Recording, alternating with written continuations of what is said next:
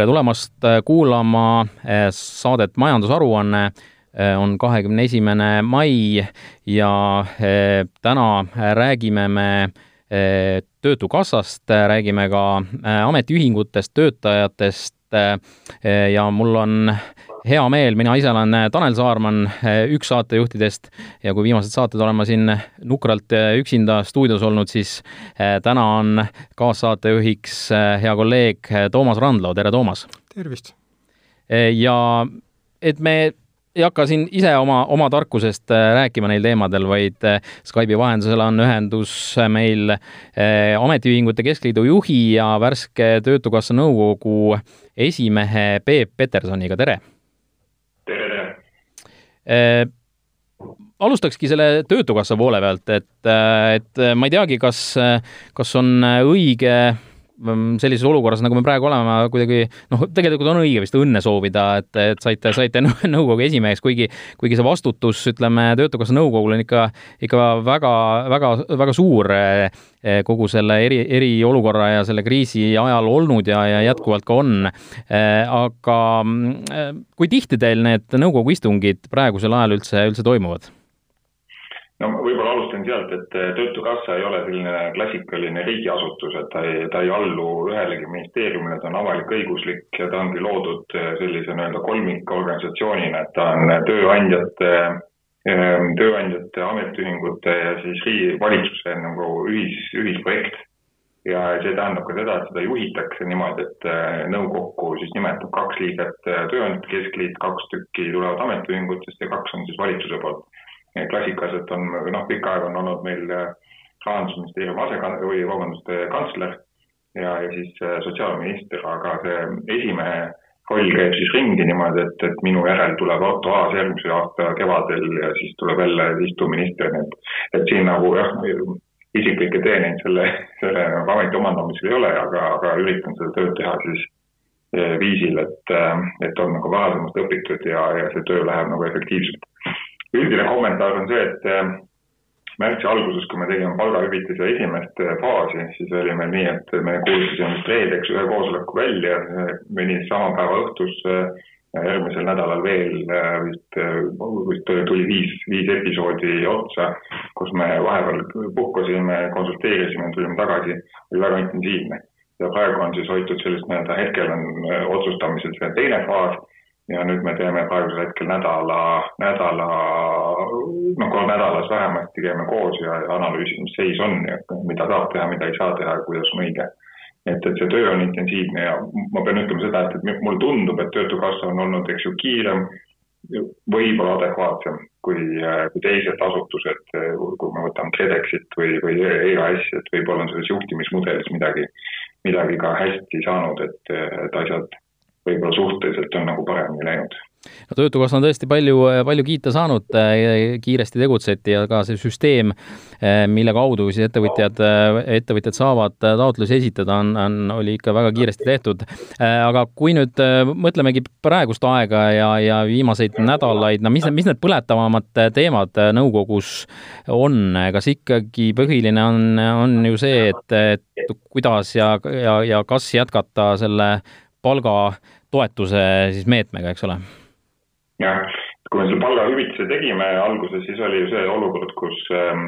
värskelt oli välja kuulutatud eriolukord ja, juba samal reedel hakkasid tööandjad tegelema sellega, et, et äh, keda kõiki äh, koondada. Või noh, et mis siis selles olukorras tegelikult nagu firmaga juhtub. Ja, ja oli oht, et nad reageerivad üle, igaks juhuks lasevad kõik lahti, enne kui veel üldse aru saab, mis juhtunud on ja selleks oli siis vaja tõesti kiiresti reageerida ja, ja anda mingisugune kindlustunne, mis tähendas seda, et sõnum selle kohta, et me midagi teeme kiiresti, äh, sõnum läks enne välja, enne kui me selle skeemi lõplikult kokku leppisime, siis me käisime mitu tükki neid läbi. täna on siis tegelikult see olukord, et et eriolukord on läbi, aga me teame seda, et sektoritel on raskused. Küsimus ongi see, et, et milliseid, äh, milliseid, mida me tahame saavutada milliseid töökohti me tahame säilitada selleks, et nad võiksid kahe kuu pärast või kolme kuu pärast jätkata. ja, ja siin on võib-olla see nüüd realism on rohkem sisse löönud, me teame, et kõiki ei saa säilitada. ja seetõttu me nüüd otsime seda nii-öelda õiget äh, formaati, on siis need noh, rangemad piirangud, eks ju, siin on räägitud viiskümmend, viiskümmend, viiskümmend, mitte kolmkümmend, kolmkümmend, kolmkümmend. enam äh, siin sektoritest tuleb sõnumeid, et äkki see võiks olla ka sada protsenti, et kes on sada protsenti kaotanud, neid toetada. et noh, et praegu on olnud väitlused sellel teemal, et mis on veel ähm, töötukassa roll töökohtade säilitamisel, milliseid töökohti tegelikult ei tasu enam säilitada. ja siis teine, teine pool on see, et me liigume sellesse seisu, kus meil töötus on kõrge ja me peame minema tagasi oma endise, noh, see on põhifunktsioon ju, töötute aitamine. ja siis meil on tõesti võtnud palju aega see küsimus, et kas, kas on õige, õige hetk, eks ju äh,, pikendada võib-olla seda töötu äh,, töötuskindlustushüvitise maksmist äh, olukorras, kus võib-olla tööpuudus püsib pikalt üle kümne protsendi. Äh, Need vaidlused on meil olnud, siis on olnud küsimus, et kas esimene summa, mida töötaja saab, on seitsekümmend protsenti. Ühelt poolt töötaja vaates loomulikult alati rohkem on parem, aga, aga, aga ka tööandjate mõttes on ju see küsimus, et kui inimestel on raha käes ja nad ei lähevad veel poodi või, või, või vähemasti noh, ühesõnaga, et ei, ei, ei katkesta oma liisinguid, et siis see tegelikult, seal on ka majanduslik mõju. et see on, see on nagu teine pool. pluss veel need tööampsuse teema ja, ja, ja tulevikku suunatud see küsimus, et, et kui praegu tahtsid FIE-d ja juhatuse liikmed, eks ju, kaitset saada kellegi käest et siis eh, kuidas seda tulevikus eh, neile pakkuda, et see, selline on see teemade ring põhiliselt. Aga loomulikult me peame kogu aeg jälgima ka seda, et palju siis tegelikult raha on, kuidas raha kulub, eh, milline on perspektiiv näiteks kolme-nelja aasta lõikes ja, ja seal on meil olnud laual see nii-öelda rahandusministeeriumi tavaprognoos, must prognoos ja siis enda leiutatud selline nii-öelda kõige mustem prognoos, mis, mis võib näidata küll kuskil seal neljandal aastal äh, ka teatud äh, varade miinust juba. Äh, no kui, kui selline pingeline seal see nõukogu õhkkond on, ma mõtlen, et te olete viimasel ajal väga palju ja hoopis tihemini kokku puutunud, et kas see on pigem, pigem teid kuidagi noh, ütleme, tekitanud sellist üksmeelt rohkem või, või ikkagi, ikkagi vaieldakse päris, päris elavalt seal? Et eh, noh, ütleme see nii-öelda suur eesmärk eh, toimida adekvaatselt ja nii-öelda olla ülesannete kõrgusel, et see kindlasti on paranenud, aga, aga ei saa ju eitada, et tööandjatel ja töötajatel on eri, erinevad huvid ja neid tuleb seal tasakaalustada. ja siis eh, vahel on meil see kokkuleppimise tahe ja võime natuke suurem ja vahel on see kehvem ja siis vahel natuke poriseme ja siis me jällegi leiame hea lahenduse ja saame kõik kolmekesi nagu, suhteliselt oleme konsensuses tegutsenud kõik need ajad ja, ja, ja väärtustame seda, et asi on konsensuses. no eks see meede võib-olla ainukene kriitika, mis ta, mis ta tegelikult ettevõtjatelt sai, eh, oli, oligi see ikkagi, et ta oli hästi selline noh, see kolmkümmend, kolmkümmend, kolmkümmend oli, oli, oli madal lävend eh, liiga paljude arvates, et, et seda oleks pidanud kohe alguses, et mitte noh, just kulutama kohe alguses liiga palju ka raha, et, et, et millal, millal see teadmine jõudis kohale ja te olete sellega ise, ise ka nõus, et, et see tegelikult võiks olla seal ütleme, viiskümmend ja võib-olla üle sellegi ma ilmselt eh, vajab eh, põhjalikumat analüüsi, et kas see seitsekümmend, seitsekümmend, seitsekümmend oli õige. me ütleme lihtsalt, et teises faasis ei ole see enam põhjendatud, teises faasis, kus meil on raha vähem eh, välja käia ja, ja ka need, ütleme, majanduse vajadused või nii-öelda perspektiivid on selgemad, siis, siis seitsmekümnega on kindlasti ei ole mõistlik jätkata ja seal läheb viiskümmend või, või, või, või, või võib-olla hoopis mingi muu, muu summa käiku, pigem jah, viiskümmend on praegu see konsensus aga kriitikat eelmise süsteemi kohta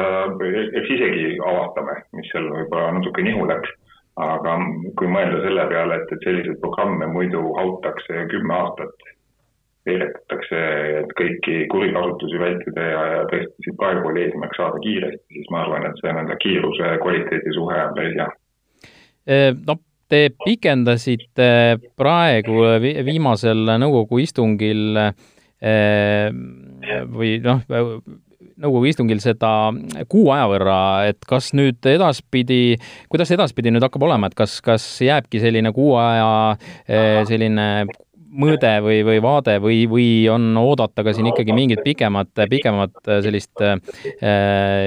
vaadet sellele, sellepärast et noh, ette, siin on mingid sektorid, eriti hotellid, restoranid, kes ütlevad, et noh, ega siin nemad ikkagi eeldavad ja loodavad, et see aasta lõpuni nende jaoks, nende jaoks on olemas see, see, see palgatoetus. Siin on aus vastus see, et, et, et me tohime kasutada kasutada selliseks meetmeks nüüd ainult kolmkümmend protsenti oma reservidest ja, ja praegusel hetkel läks mängu kakskümmend kolm protsenti. juba ja meie oma võimalusi järelikult on seitsme protsendi ulatuses, mis annavad summaks nelikümmend kuus miljonit. sellel, sellel kuul, ütleme maikuul, eelmise kuu eest makstakse välja üle saja miljoni. nii et see annab selle nii-öelda sõnumi, et palju siis Töötukassa ise saab otsustada aga see on ka olnud üks põhjus, miks me oleme tööandjatega mõlemad, nii ametiühingud kui tööandjad on peaministrile ja kõikidele valitsusele andnud mõista, et nüüd on aeg tulla valitsusel ka reaalselt rahaga, rahaga mängu, sest täna valitsus ei ole nagu ühtegi laenu võtnud selleks, et, et just nimelt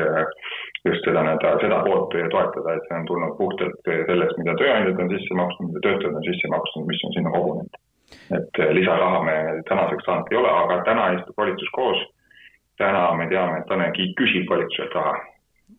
ja, ja arutatakse seda ja meie väga suur lootus on see, et mingisuguseid summasid sinna leitakse ja vastavalt sellele, palju leitakse,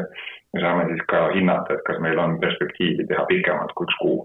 hetkel äh, Töötukassa enda vahenditest ei ole aga kas on mingitest summadest ka juttu olnud, et mida, mida, mis on teie nägemus on, et palju, palju vaja oleks? Meie nägemus tööandjatega on olnud see, et, et äh, see pikendus võiks toimuda kolm kuud samal põhimõttel nagu äh, oli esimene, eks ju, et sa valid kolmest kuust kaks ja, ja kasutad seda. aga see eeldaks ka rangemate meetmete puhul, me ütleme, et umbes sada miljonit äh, kuluks ära, et, et osa paneme meie omalt poolt ja osa peab siis tulema valitsuselt, kui valitsuselt ei tule, siis, siis, siis see unistus nagu ei toimi. no öö Circle K Eesti juht Kai Realo äh, ütles siin hiljuti ühe sellise äh, asja välja, mis, mis päris palju kõneainet ka pakkus, et äh, ütles nimelt seda, et, et tegemist on selle Töötukassa meetme näol on tegemist sellise meeleheite meetmega mõnes mõttes, et, et tegelikult noh, ütleme, peakski võib-olla ettevõtted oma tegevust rohkem üle hoopiski vaatama ja, ja ei, ei olegi neil vaja seda nii-öelda neid elus hoida. mida te selle kohta ütlete? See on tegelikult see küsimus tõesti, et mida ilmselt arstid äh, ka lahendavad, eks, et kui sul on äh, inimene seal aparaatide all ja sa pead hindama seda, et kas tal on äh, ellujäämislootust, et kui kaua ta siis seal aparaatide all on, et tegu, noh, ma ütlen, et see on selline hapniku andmine ja hapniku andmine on näidustatud juhul, kui firma jätkab, et noh, et siin on tõsiselt kaugeldud teemal, et aga kui firmal ei ole näiteks maksta seda sada viitekümmet eurot, eks ju, töötajale ja selle pealt makse või, või on sellised, sellised asjad, siis, siis me peame lihtsalt ütlema, et andke andeks, aga see patsient ei, ei äh,, ei elule ja, ja talle seda ravi määrata ei ole mõtet. et, et ja kui me vaatame, mis Saksamaal on toimunud, mida, kuhu liiguvad meie enda mõtted, siis tegelikult me liigumegi selles, et mingil hetkel hakkab turg ise toimetama ja nüüd ongi, kui me pikendame ka, eks ju, ähm, kolmeks kuuks siis karmidel tingimustel, mis tähendab seda, et kõik selles nii-öelda, kõik sealt ikkagi seda oma ellujäämislootust ei saa ja ei peagi saama, et, et turg, turg tuleb tasakesi ja hakkab nüüd tasa, sisse tulema ja ja, ja ellu jäävad need, kes loodetavasti käituvad töötajatega paremini, kes on hästi maksu maksnud ja kellel on ka seda nii-öelda äriidee ja võib-olla see nii-öelda kapitaliseeritus parem. No sotsiaaldemokraadid sel nädalal käisid välja ettepaneku tõsta tööd Liidu toetust äh, kolmesaja viiekümne euroni ja, ja, ja ka ütlesid, et, et äh, töötuskindlustushüvitis ei tohiks langeda alla kolmesaja viiekümne euro piiri, et mida sellest arvata, kas sellist, selliseid teemasid praegu ka nõukogus äh, arutatakse? töötuid tuleb juurde kogu aeg. töötutoetuse tõstmine, töötutoetuse tõstmine on üks asi, kus tegelikult konsensus on nagu olemas, et valitsus tahab tööandjad on nõus, meie tahame ka, et see töötutoetuse tõstmine on, kas ta nüüd kolmesaja viiekümne euro peale, ma arvan, et, et opositsiooni üles, ülesanne natuke nagu üle küsida. et eh, pärast tuleb see ka tegelikult kinni maksta ja praegusel hetkel see arve konkreetselt läheb valitsusele. valitsus peab leidma ka väiksema tõusu jaoks seitsekümmend miljonit. et eh, kui valitsus selle raha leiab, siis, siis see kõik saab juhtuma ja see on olnud laual tõesti nii, ma tulen vahele siin äh, võõrtööjõu teemaga, et äh, mis on viimastel päevadel eriti aktu-, aktuaalseks läinud, et äh, põllumajandusettevõtjad muretsevad võõrtööjõu kadumise pärast ja, ja, ja ütlevad, et et kohalikud inimesed ei taha sellist tööd teha, vaid noh, peaks ukrainlasi kasutama. Teie ja, ja mitmed ka valitsuse ministrid on öelnud, et ei peaks välistööjõudu kasutama ja, ja peaks ikka eelistama kohalikke elanikke, aga kui kohalikud inimesed ei taha minna põllumajandusettevõtetesse, siis mis, mis seal nagu teha saab? et ma olen nagu kuulanud ja jälginud seda debatti väga suure huviga ja mulle, me, mulle nagu pälvis tähelepanu see lause, et Eesti toidujulgeolek sõltub äh, sellest, kas äh, ukrainlased pääsevad siia või mitte siis mul tekib küsimus, et kas me päriselt äh, sõltume nüüd oma toidujulgeolekust sellest, et Schengeni piir on lahti. et minu arvates on see nii-öelda, siin on mingisugune, mingi loogikaviga sees, ehk siis tegelikult vaatamata sellele, et ma mõistan nende nagu soovi tuua Ukrainast ja, ja, ja mõistan ka, et ilmselt on vajadus Ukrainast tuua siis äh, pingutused täna peaksid olema sellele, et, et oma valdkond äh, ilusaks rääkida ja, ja saada siit, äh, tekitada kas või patriotismitundega see, see situatsioon, et kui tervis, tervislikel kaalutlustel, eks ju, me ei too sisse või toome vähe sisse, et siis need, see põllumajandus ikkagi kokku ei kuku, et mina ootan tööandjatelt ratsionaalsust. Ja üks ratsionaalsuse moment on see, et tehakse oma, oma, oma valdkonnas oma oma töökohtadega seda pingutust, et eh, nad muutuvad atraktiivsemaks ja, ja suudetakse need tööjõud, mis Eestis tegelikult on praegu jõude, need ikkagi rakendada nii palju kui, kui vähegi võimalik. me, me oleme valmis ka selles suunas koostööd tegema.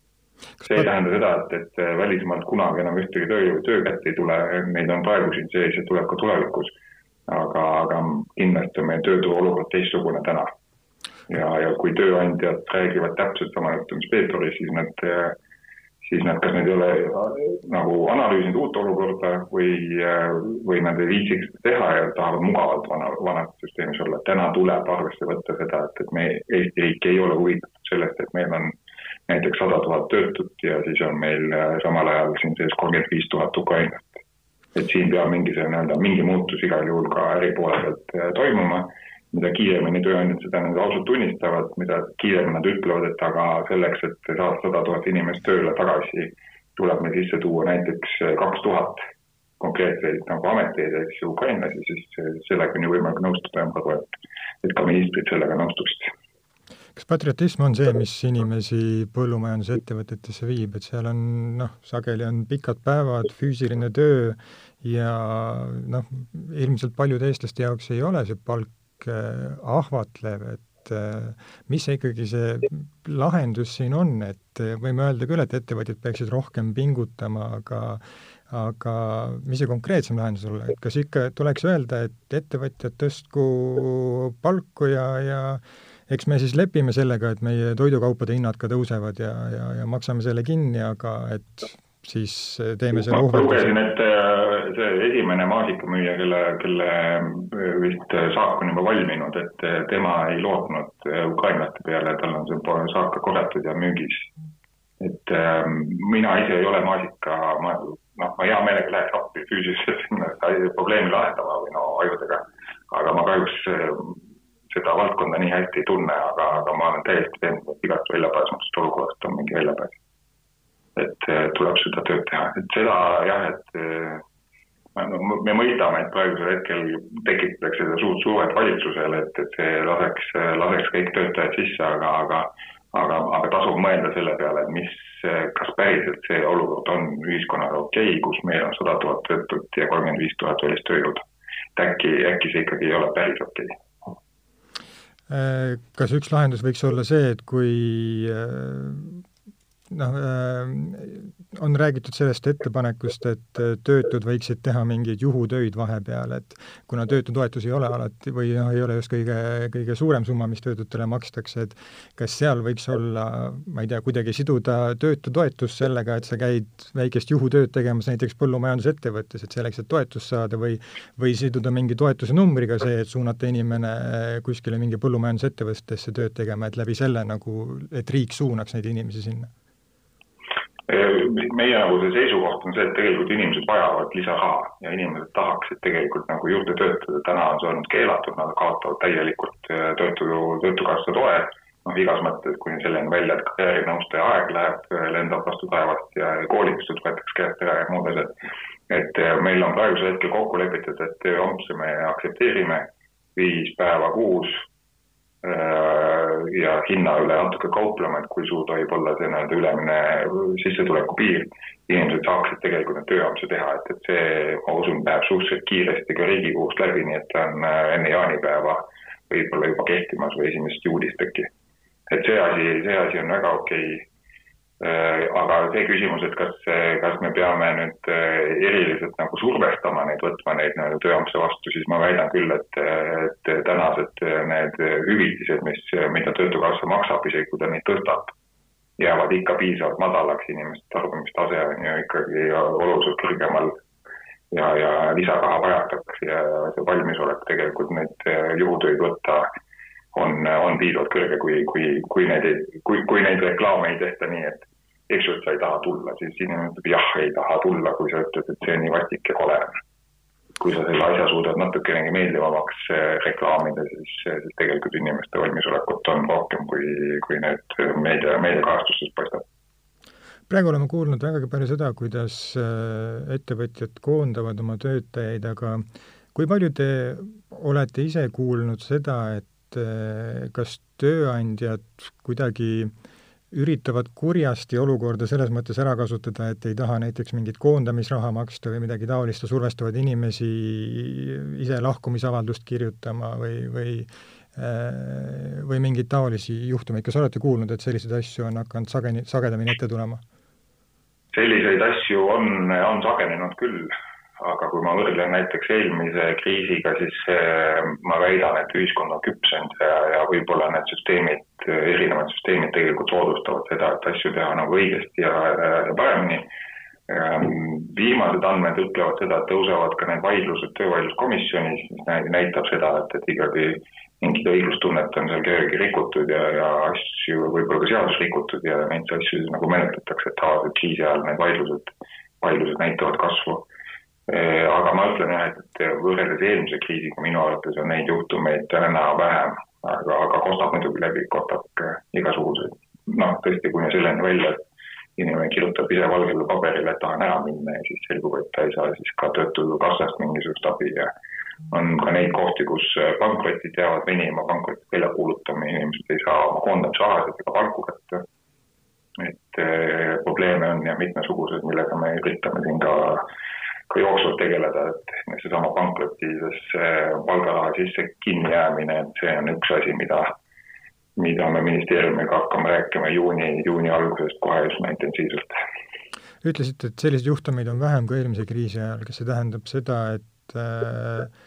mingi suur osa on võib-olla veel olemata või tulemas või on tööandjad või ettevõtjad eetilisemaks muutunud ja ei ürita kuidagi töötajaid lohku tõmmata? Siin on vahepeal toimunud see olukord, kus ähm, esimest korda ajaloos selgus, et töö, töötajaid ei ole. ja see olukord võib ju naasta, mis tähendab seda, et, et äh, sõpra tuntakse hädas, kui sa täna teed äh, tünga, siis sa tõenäoliselt järgmise tõusu ajal tööd teha, see tööandja ei, noh, see, see jääb ju plekk jääb külge. nii et, et see on ka üks põhjus, miks, miks tööandjad võib-olla täna vähem, vähem trikitavad ja, ja kogu need asjad suhteliselt ausamalt äh, liiguvad. ma mõistan, et meeleheites võib see käsi haarata selle meetme järgi, aga, aga ma lihtsalt ennustan, et kui, kui tõesti sellised asjad juhtuvad, siis siis äh, järgmises tõusus äh, sellel ettevõtjal on nagu keeruline tööjõudu leida Äh, olete öelnud, et praegu kriisi ajal on äh, kõige õigem aeg ametiühinguid luua, et kas tegelikult kriisiaeg pole liiga hilja ametiühingute loomiseks, et tegelikult peaks nende peale mõtlema juba varem? ma arvan, et äh, ametiühingute loomiseks ei ole kunagi liiga hilja, et neid, neid saab luua heal ajal ja halval ajal ja, ja vahe, vahepealsel ajal, et üks, üks väga oluline moment on näiteks see, et, et kui nüüd firma on olnud kohus, noh, tekib see situatsioon, et ta võib-olla oma tänase palgakuluga ei vea välja, tal on vaja,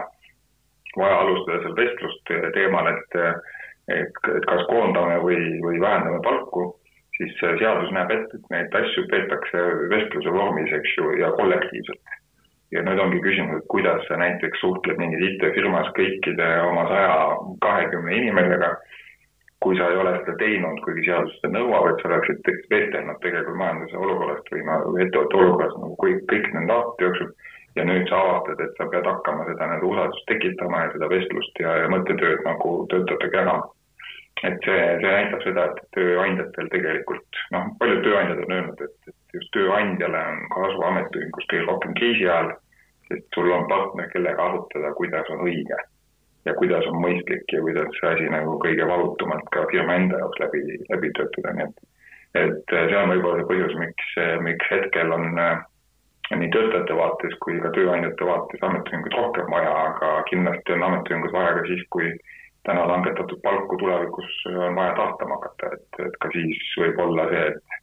tööandja leiab, et aga võib-olla see asi on tähtsam ja teine asi on tähtsam ja siis võib see nii-öelda aastate pikkuseks venida see, see teema ka, et millal need palgad siis ta, taastuvad, mis on kriisi ajal vähenenud kui paljusid juhtumeid olete kuulnud viimase paari kuu jooksul, kus on äh, hakatud ametiühinguid looma? ja millistes Neid on äh, üllatavalt kohtades ja neid on palju, et äh, ma nüüd konkreetselt ei oska öelda, aga, aga noh, ütleme, huvitav on see, et, et soovitakse luua ka nendes kohtades, kus võib-olla ei ole kõige klassikalisem töösuhe. et siin on treenerid huvi tundnud, kes jäid ilma Töötukassa toest, soovivad et nende sõna oleks nagu nähtav ja kuuldav. et jah, neid huvitavaid kohti, kus ametiühingud on loomisel, on, on äh, veel mitu no saate võib-olla tuua veel kas ühe või kaks näidet, et me teame siin, et, et, et on, on meil ka lähedal riike, kus, kus tegelikult ametiühingud on, on tugevad, neid on, neid on palju, et, et mis, mis see veel see selline, ütleme just praeguses olukorras see sellised need kasutegurid võiksid olla, et, et te tõite välja selle ühe väga selge, et, et sul on kellegiga, ühega, kellega rääkida, kes siis omakorda, omakorda suhtleb töötajatega, aga, aga, aga mis neid veel võiks olla? No meil on siin äh, räägitud pikalt sellest, et äh, peaks olema paindlikkust äh, ettevõtetel toimetada vastavalt oma selle spetsiifikale, eks ju, teatud tüüpi paindlikkust. täna on, on ametiühingud olnud efektiivsed blokkima igasuguseid paindlikkuse algatusi, mis, mis on suunatud seaduse muutmisele. lihtsalt, et mingisugune grupp ettevõtjaid läheb Riigikokku, lobib sealt ja, ja siis äkki on kõikidel täiesti uus olukord, eks ju, tööõiguses me ütleme, et ongi spetsiifilised huvid, kui seal näiteks mingi tükk IT-d, eks ju, vajab näiteks hästi pikka valveaega selleks, et oma need massid püsti hoida ja mingisugused muud asjad, eks ju, süsteemid hoida nagu toimimas. absoluutselt, IT-valdkond äh,, algatage teema, võtke endale töötajad vastu, rääkige läbi, meil on täna siis ka riigi poolt olnud see sõnum, et, et saab hakata tegema selliseid nii-öelda sektoripõhiseid erisusi et äh, ja, ja kes sellest kinni haaras, oli seesama äh, Kaupmeeste Liit, äh, Kai Realo nende hulgas, kellega meil oli väga põhjalik arutelu, millist paindlikkust täpselt kaubandusvaldkond vajab. läbirääkimised jätkuvad ja siit võib tulla ka see esimene eriseadus või esimene kokkulepe, mis ütleb niimoodi, et vot kaubanduse paindlikkusvajadus saab rahuldatud läbirääkimiste teel tasakaalustatud moel. et see on niisugune suur hüpe tegelikult Skandinaaviasse kus äh, paindlikkuse küsimus ei ole nii, nii aktuaalne, sellepärast et kõik ettevõtjad saavad igal aastal ise algatada oma selle nii-öelda vestluse teemal, et näed, meie äri läheb selles suunas, kas me peaksime seda paindlikkust ähm, tekitama ja mis on see töötajate soov äh, selle tasakaalustamiseks. et see on üks niisugune huvitav trend, mida, mida just nüüd kriisi ajal on õnnestunud nagu käima lükata, ennem ainult rääkisime, aga nüüd tegelikult ka toimub kui korraks veel eh, lõpetada, lõpetada saade sellega, et, et, et noh, te olete Töötukassa küll nõukogu esimees, aga kui, kui laiemalt eh, vaatate praegust olukorda, et mida, eh, mida valitsus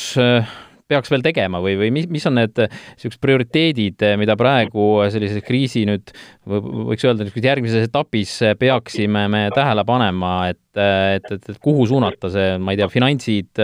noh, riik on siin müünud võlakirju, võtmas laenu, võtnud laenu, kuhu, kuhu see suunata? mina näen, et siin on kaks asja, mida ta saab teha, üks on kõigepealt see, et, et hoolitseda kodanikkonna eest, ehk siis vaadata, et inimestel äh, inimesed ei kukuks alla mingisugust vaesuspiiri, kust neil neid pere tagasi, raske tagasi tuua äh, kas tarbima või siis, või siis tööle.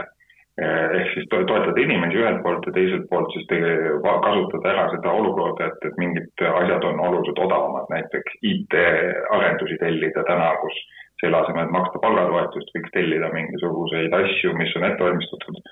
võiks investeerida kas või infosse, eks ju, ühesõnaga olla selline aktiivne ostja ja, ja hoida raha selle jaoks, et, et elatada majandust kasulikul moel, et riik saab ka neid asju, mida ta kogu aeg on tahtnud, aga ei ole jaksanud osta aitäh teile, Peep Peterson, selle jutuajamise eest, tänan ka kuulajaid ja majandusaruanne on eetris juba jälle järgmisel nädalal, püsige terved! aitäh!